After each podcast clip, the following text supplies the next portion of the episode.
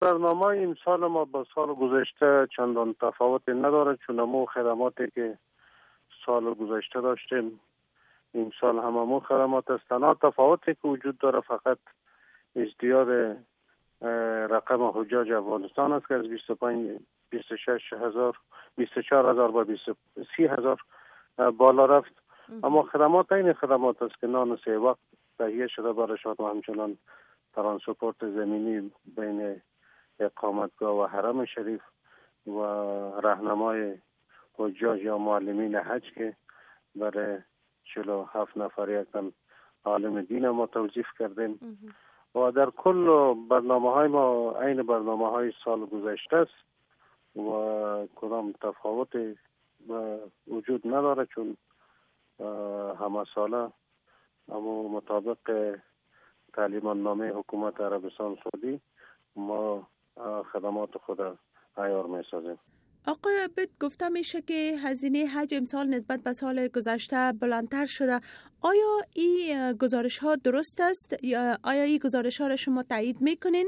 خب سال گذشته چون ایران هم حجاجش نبود در مراسم حج و در این حال یک تعداد کشورهای عربی هم حضور حجاجشان کمرنگ بود.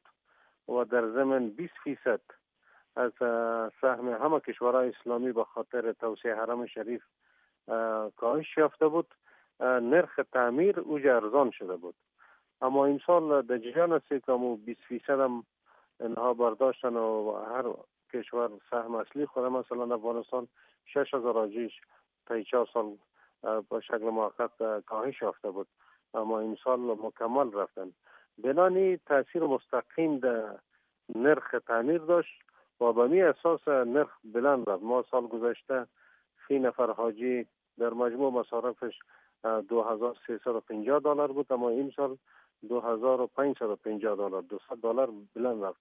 ولی اگه این ما با سالهای گذشته قیاس کنیم ما یعنی چند سال پیش ما تا 3150 دلار هم می‌گرفتیم این ارتباط می‌گیره با نرخ و قراردادهایی که ما می‌کنیم.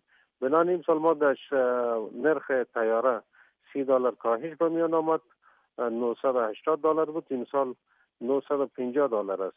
اما تعمیرات بلند بود بنان 200 دلار در کل مصرف بلند رفت نسبت به سال گذشته.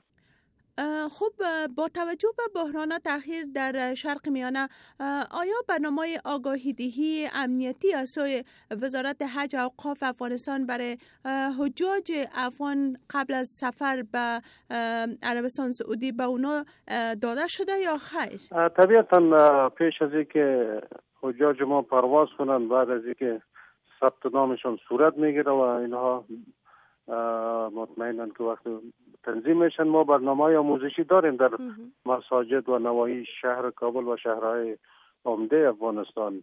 و خصوصا این سال توصیه مامی بود که در قضایایی که تنش بین ایران عربستان و سعودی وجود داره مخصوصا مسائل مذهبی را باید کلا بیطرف باشن. و این چون مذهب یک ابزار استفاده میشه بنان اینها در اون مسائل سیاسی یا مسائل مذهبی غرض نداشته باشند. خوشبختانه حجاج افغانستان مورد احترام حکومت عربستان سعودی است و آنها می‌دانند که افغانستان یک کشور بیطرف و در تنش ها دخیل نیستند و آقای به طوری که شما ذکر کن می تنش ها بین ایران و عربستان سعودی و همچنان عربستان سعودی با قطر. آیا این تاثیرات خود روی برنامه حج افغانستان داشته؟ نه خیر افغانستان مخصوصا حجاج ما و پالیسی دولت ما بیطرف است و ما اصلا دو تنش های سیاسی که بین قطر و ایران و بین عربستان و سعودی وجود داره. ما دو